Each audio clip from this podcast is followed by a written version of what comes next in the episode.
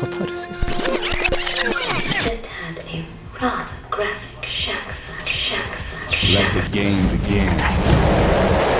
Følg deg skitten. Urene tanker.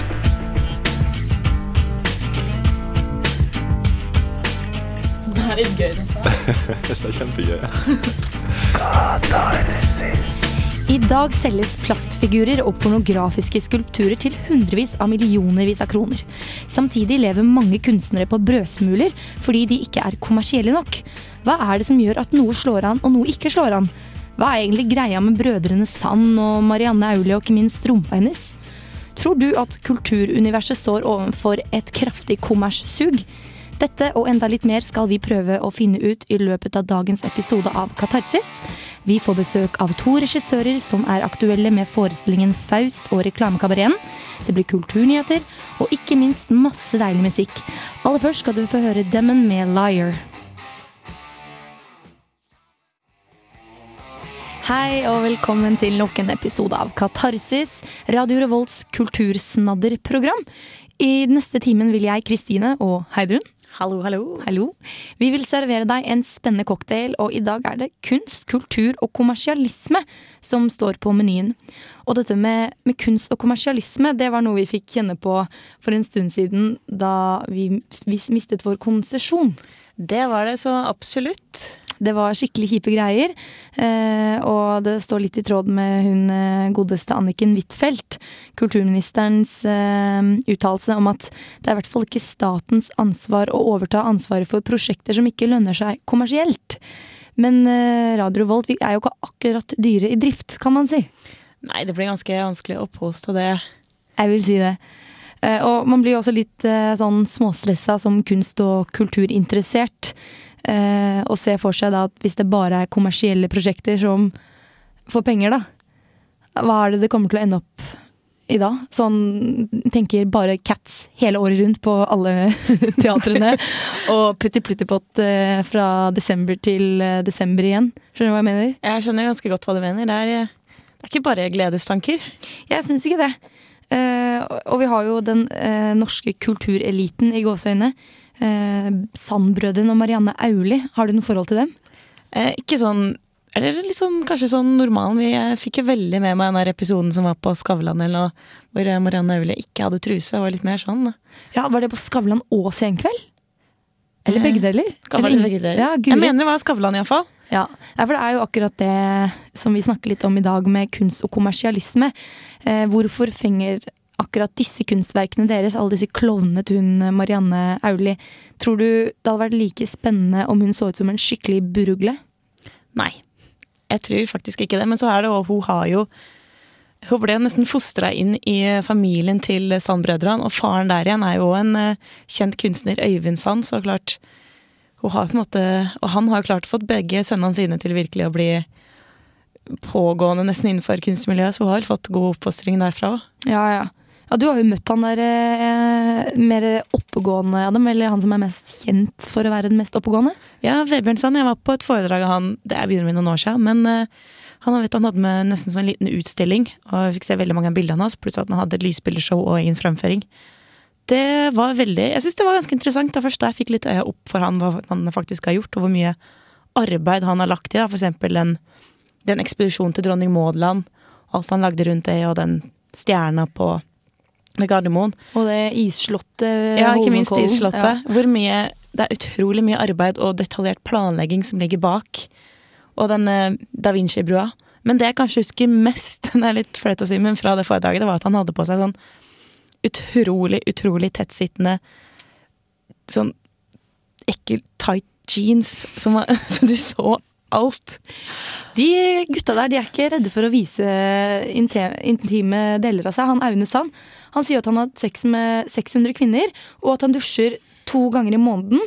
De liksom byr på seg selv. Men jeg skjønner ikke helt hvordan de to tingene henger sammen. Ja. Dårlig hygiene og masse damer. Akkurat det tenkte jeg også. Eh, og de har blitt kritisert for veldig mye annet enn dårlig hygiene. Um, mest kjent i forbindelse med dette med kommersialitet, det var jo da Aulie og Sand eh, samarbeidet med møbelkjeden Bohus for eh, noen år siden. Og de reiste landet rundt for å signere opptrykk av eget eh, kunstverk. Og ifølge mm, en av Norges største gallerister, Bissert Johansen, så rev da Vebjørn Sand ned alt han hadde brukt uh, av hele sitt kunstnerliv på å bygge opp gjennom masseproduksjon Bo for Boos, og at han var i kreftene på noen som skulle ødelegge han.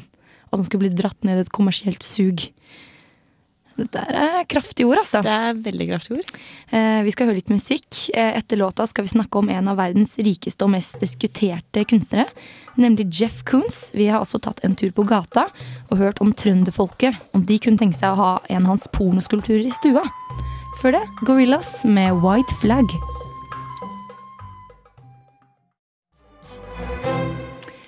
Flott låt av Gorillas, White Flag. Eh, vi snakker om eh, samtidskunst og kommersialisme. Og det finnes få samtidskunstnere som har skapt så mye oppmerksomhet rundt sin kunst og sitt liv som amerikaneren Jeff Koons. Mange av dere har sikkert hørt om eller sett verkene hans, som for eksempel den eh, gullfiguren av Michael Jackson og apekatten. Verket heter Bubbles, og denne statuen ble vist på Astrup Fearnley-museet i Oslo for noen år siden og ble solgt til svimlende 5,6 millioner dollar. Kan du lure på hvem som har plass til å ha en sånn sak i stua. Da har man sikkert litt plass og litt penger. I hvert fall, Han har også solgt verker for 150 millioner kroner. Og selv så sier han at han ikke tenker på penger. I'm pleased that there's a dialogue about my work, but there's some uh, misrepresentation. Some people think that my work is just about money. Certain aspects of my work are about money because My work also talks about desire, but uh, the work's not about money. It's not about just making something to sell.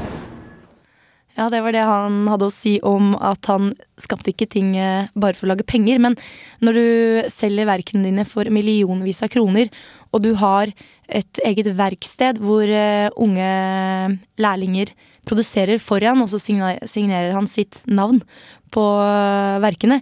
Da er det jo er litt penger i bildet. Hva tenker du, Heidrun? Jeg tenker da at det absolutt er penger i bildet. Men jeg tenker som hvis jeg sjøl hadde tjent 150 millioner kroner på kunst, så ville jeg sjøl sagt at jeg ikke var interessert i penger. For da kan du si du kan få en million her, en million der, det spiller ingen rolle. Jeg bryr meg ikke om penger, for jeg har jo 148 andre millioner i banken. Og så er han litt sånn slis i den måten å prate på. Han har jo litt eh, pornoerfaring, det skal vi snakke om eh, litt etterpå. Flere lurer på hva som er hemmeligheten bak en slik suksess. Og hvordan kan man bli rik på å selge skinnende kaniner og badeleker? Og vi har eh, tatt en liten tur på gata og høre hva mannen i gata syns om verkene hans. Det skal vi høre mer om etter låta Hank Williams og Straight to Hell. Der hørte du Hank Williams med Straight to Hell. Og før låta pratet vi om en av verdens rikeste og mest diskuterte kunstnere, nemlig Jeff Koons. Og ifølge han er hemmeligheten bak suksessen at han Suksessen? Suksessen heter det. At han absorberer forestillinger om middelklassens smak og stil. Og vi kan jo si at vi, vi representerer jo middelklassen, vi, Heidrun. Ja, gjør jo egentlig det. Men syns du at gullaper og pornoskulpturer gjenspeiler din smak? Det er kanskje ikke det første jeg ville ha ramsa opp, hvis du hadde spurt om min smak. Eh, så det var kanskje litt vanskelig å bare spørre meg. Jeg vet ikke hva med deg sjæl. Representerer det deg?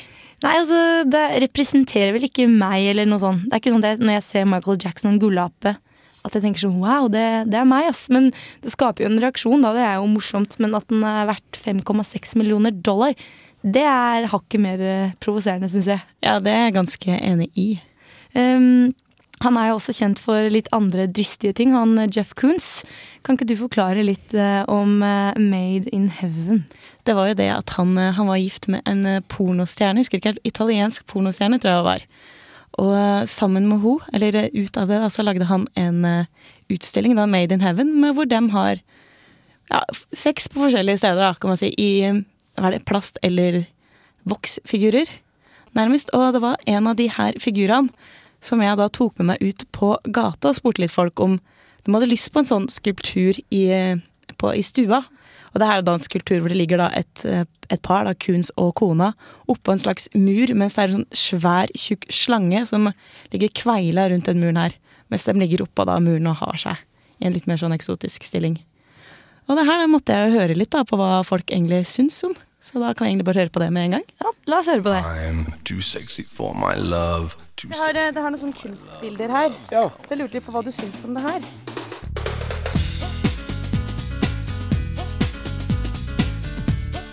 Er det noe her du kunne hatt deg, tenke å ha deg i stua? Aldri vært først og fremst pga. den slangen. Jeg hater slanger. Men eh, om eh, menneskene, da? Hva syns du om dem? Nei, De var bleike.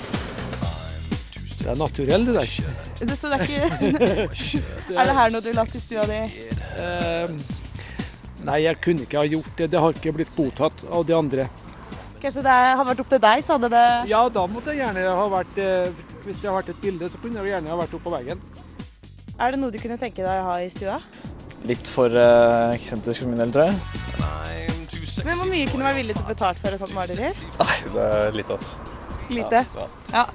Er Jeg kunne tatt det hvis jeg hadde fått det. Hva syns du om dama her, da? Var hun fin? Ja. Egentlig ikke det, nei. Nei? Nei, Hvorfor ikke det? nei litt for erotisk, kanskje. Det er litt for erotisk. Ja. Men hvis det hadde vært et maleri på veggen, da? Ja, kanskje på et lite rom for seg sjøl, men ikke på stua. Nei, Sånn eh, doen i kjelleren, kanskje? Eller? nei ikke akkurat det. Ja. På et soverom eller noe sånt, kanskje. Jeg har noen fine sjøl hengende på stua, det men det er ikke helt på den eh, fronten der. Nei. Litt mer folkelig. Jeg har, det har noen sånne kunstbilder her, så jeg lurte litt på hva du syns om det her. Den, den var ikke stygg, men den var ikke sånn utprega kjempefin heller. Men hva syns du om de menneskene? Sånn som sånn har fine pupper og sånn, eller? Har hun pupper? Ja. ja. Jo da, helt greit. Litt små, kanskje? Eller eh, ja. Jeg kjenner godt personer som kunne tenkt å ha på dem pga. slangen, først og fremst, kanskje. Kultur. Kultur. Glem Se og Hør Hør på Katarsis. Der hørte du BBO Jealous of Roses, og nå har jeg fått med meg to unge damer. Velkommen til dere. Tusen takk. Tusen takk. Dere er aktuelle med forestillingen Faust og Reklamekabareten, som går på Studentersamfunnet om dagen. Og velkommen til regissørene Martine Løkholm og Marina Popovic. Takk, takk. Jeg kommenterte til Marina at hun nettopp hadde ganske funky artistnavn. Ikke sånn at ditt er kjedelig, Martine Løkholm, men uh, ja. You know, you know. Um, dere er aktuelle med Faust og Reklamekabareten. Første gang den settes opp i Norge. Det stemmer. Hvordan føles det? Eh, det føles kjempebra. Eh, det er godt å kunne lage eh, eller sette opp teaterstykker som er aktuelle nå. Fordi det er mange stykker som ikke er det, synes kanskje vi. da. Så det er aktuelt i tid nå, og det er godt å komme med norgespremieren. Vi skal snakke litt mer om eh, at det er aktuelt etterpå. Men først så må du forklare hva for et stykke er det? Hva, hva handler det om? Eh, I Faust og Reklamekabareten så eh, møter vi en teatergruppe som er i økonomiske vanskeligheter. De har ikke fått støtte til å sette opp eh, penger til egne forestillinger. Eh, så eh, Men så er det tilfeldigvis at det er et reklamebyrå som har en veldig god idé. De tenker nemlig å sponse forestillingene hvis teatergruppen går med på å ha produktplassering i forestillingene sine. Og det gjør teatergruppen, men med en skjult agenda, nemlig å knuse reklamens makt. Og så er dette da kampen om de da klarer det, eh, som utspiller seg på knaus denne uka. Tror du det finnes i virkeligheten? Produktplassering på Trøndelag Teater f.eks.? Ja, absolutt. Ja, ja, ja. Det, Det var, um, overalt. Ja. Du Marina, du er veldig ivrig på det. Ja, det var fordi at vi la merke til um, eh, På Jo Strømgren siste forestilling så var det veldig uh, finurlig plassert noen pH-lamper rundt omkring, i, eh, rundt omkring i, på scenen. På pseudonymet. Ja, på Det la jeg merke til, Det- jeg òg. ja, Faktisk. Der ser vi. Men hvorfor har dere valgt å sette opp denne forestillingen akkurat nå? Marina eller Martine? Hva? Vi kan jo, For det første så likte vi teksten veldig godt. Vi liker at den er så um, konfliktdrevet som den er, av de her menneskene som er så tett på oss selv. Som er unge um, Mennesker som vil noe. Ja, unge, håpefulle mennesker. Som Vil eh, mene noe og tro på noe. Ja. Og gjøre noe. Og som får så mange utfordringer.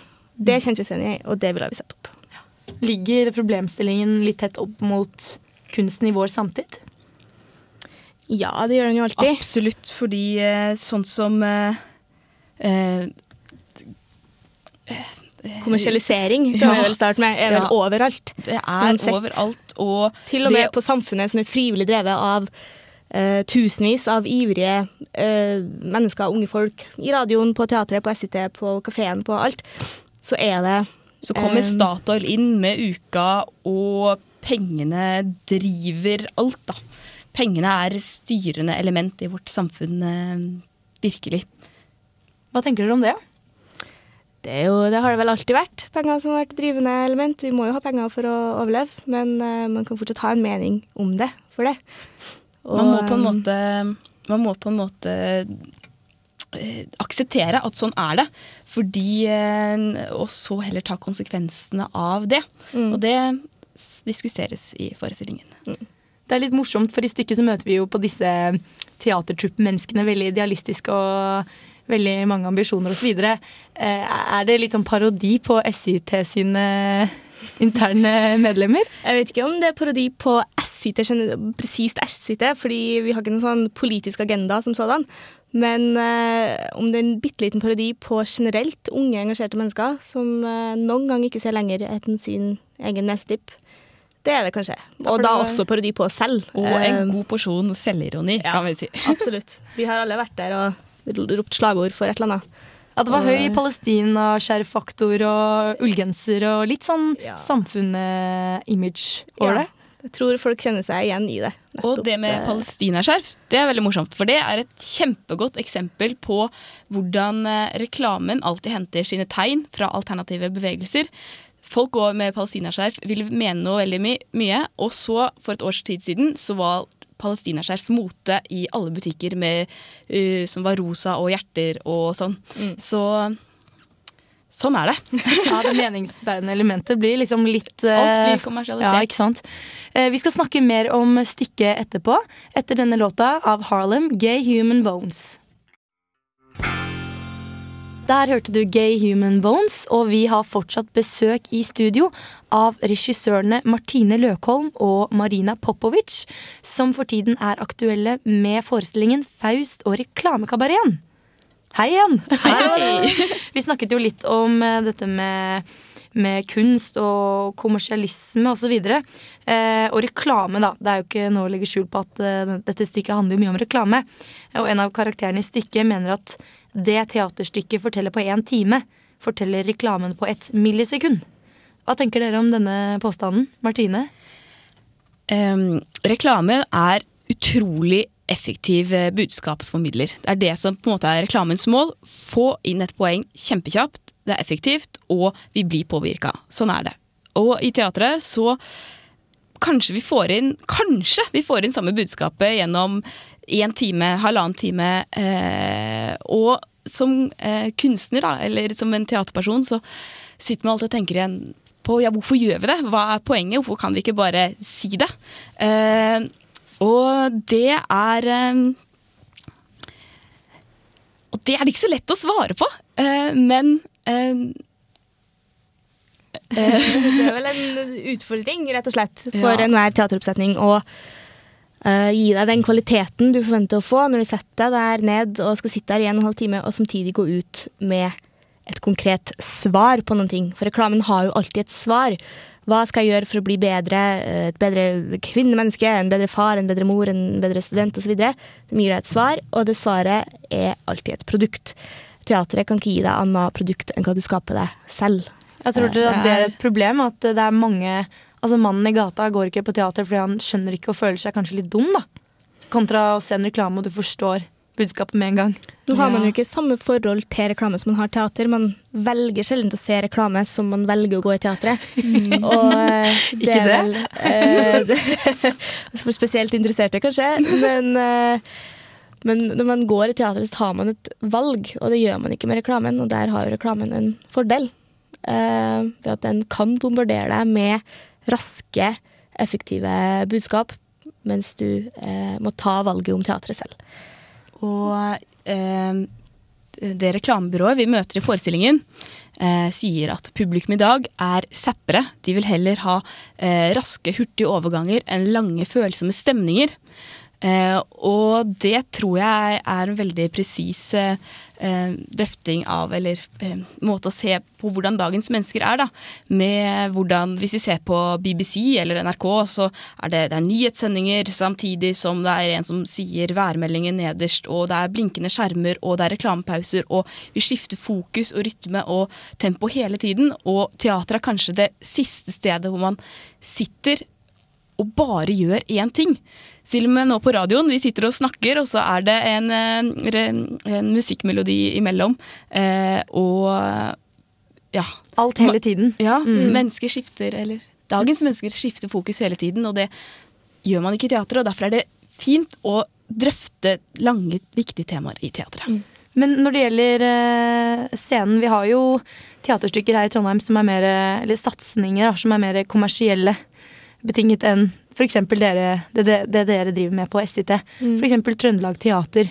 Mm. Eh, Syns dere de kanskje er litt feige når det gjelder akkurat det der? Eh? Nå har det jo vært et uh, teatersjefskifte på Trøndelag Teater, um, som i hvert fall jeg personlig ser veldig uh, positivt på.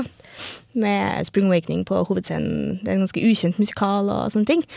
Men uh, hittil så har det vært ganske skuffende med ja, Anne B. Ragde som fyller hovedscenen gang på gang, mens klassikere som Antigone ja, ikke blir sett av Trondheims befolkning. Um, så ja, man har den utfordringa hele tida, men Kanskje man tenker at man skal gi folk det de vil ha, men det er jo teatret som på en måte har muligheten til å bestemme selv hva folket vil ha.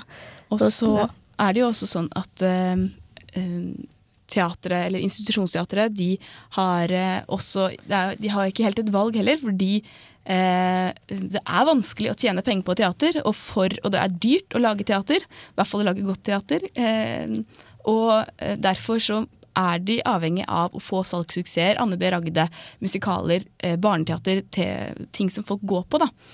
Eh, og det er jo bra, men det er også viktig at det kanskje fins en bredde, da.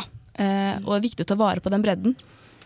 I stykket så, så, virker de jo veldig skeptiske og pessimistiske, disse aktørene, da, uh, i forhold til Kultur-Norge.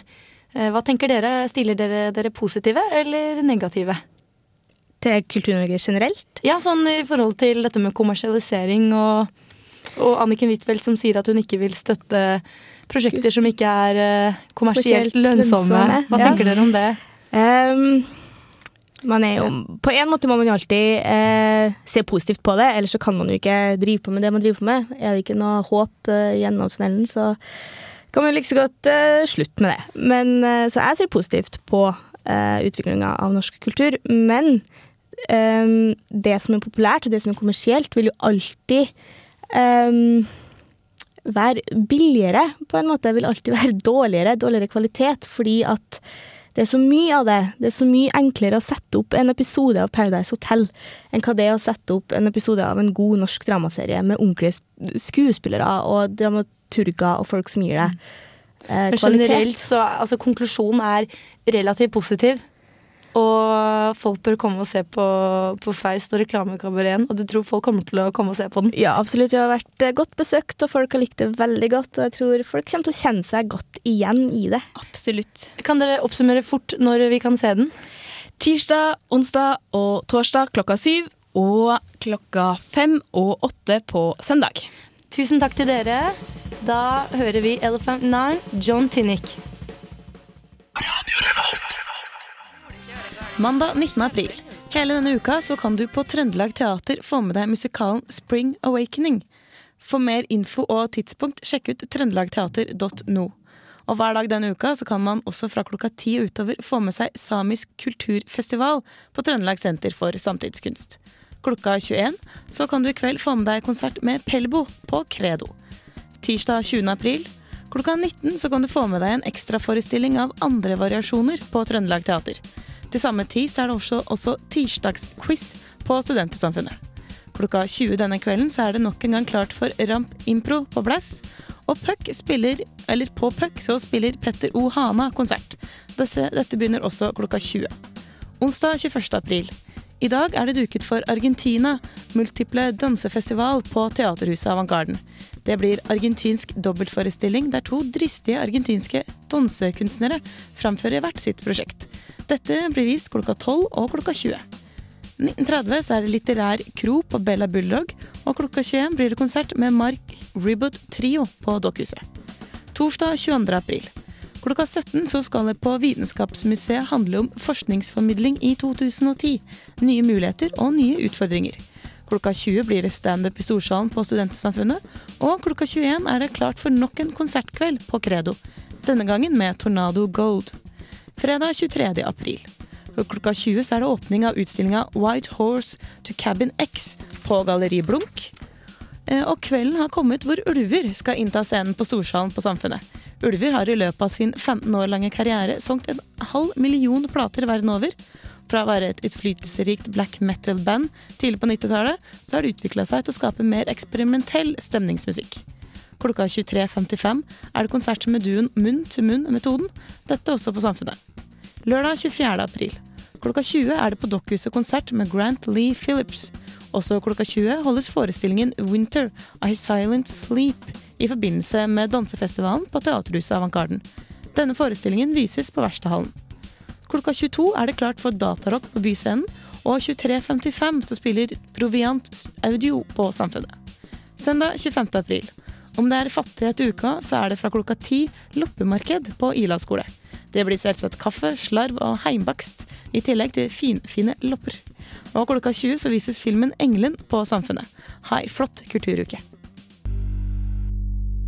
Yes, da er vi tilbake, og vi er kommet til veis ende i dagens katarsis. Der hørte du forresten St. Helen As Slow As It Can Be, for de av dere som syns dette var ålreit.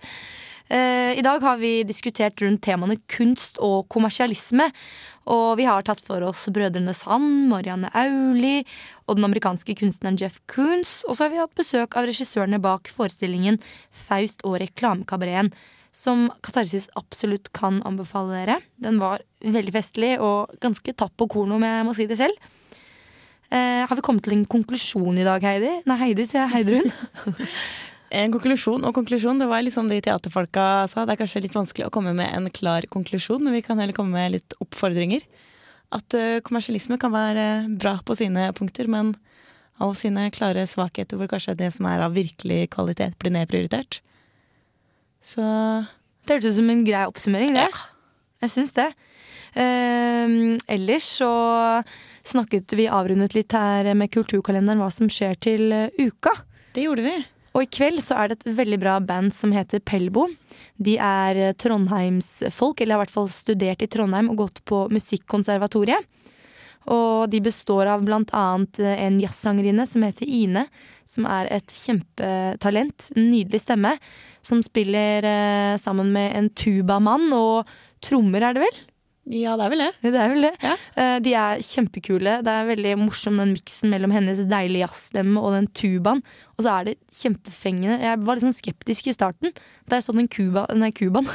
tubaen. Når jeg så Cuba på scenen, ble det så den tubaen på scenen. Da tenkte jeg jøss. Yes. Men det var veldig veldig stilig. Ja, Det var altså da i kveld klokka ni på Credo. Så jeg på bare passa turen. Noe annet du har tenkt deg på denne uka, Heidrun? Jeg har veldig lyst til å få meg Spring Awakening. Og så er det den der eh, festivalen på Avantgarden. Den eh, Argentina. Den høres jo veldig veldig kul ut. Litt sånn eh, danse, dansevirkinger. Da får du vorse med tango og rødvin, da, vet du. Kanskje det. Nå skal vi få høre en låt som ikke er veldig kommersiell.